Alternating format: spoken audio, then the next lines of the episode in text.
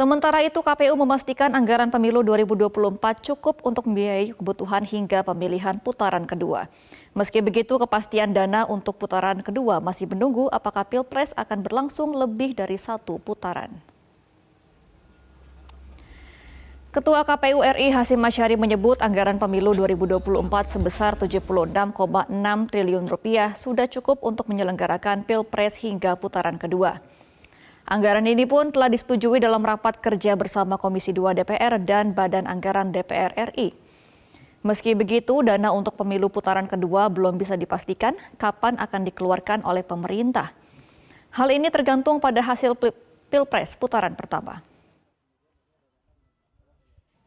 Anggaran yang dianggarkan kan 76,6 triliun itu sudah termasuk Pilpres putaran kedua gitu loh.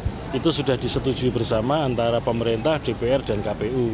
Demikian juga Badan Anggaran juga sudah menyetujui. Nah soal dicairkannya kapan itu kan tergantung apakah syarat Pilpres putaran kedua terjadi apa enggak. Itu ya. Pemirsa demikian headline news. Selamat pagi Indonesia akan kembali untuk Anda sesaat lagi.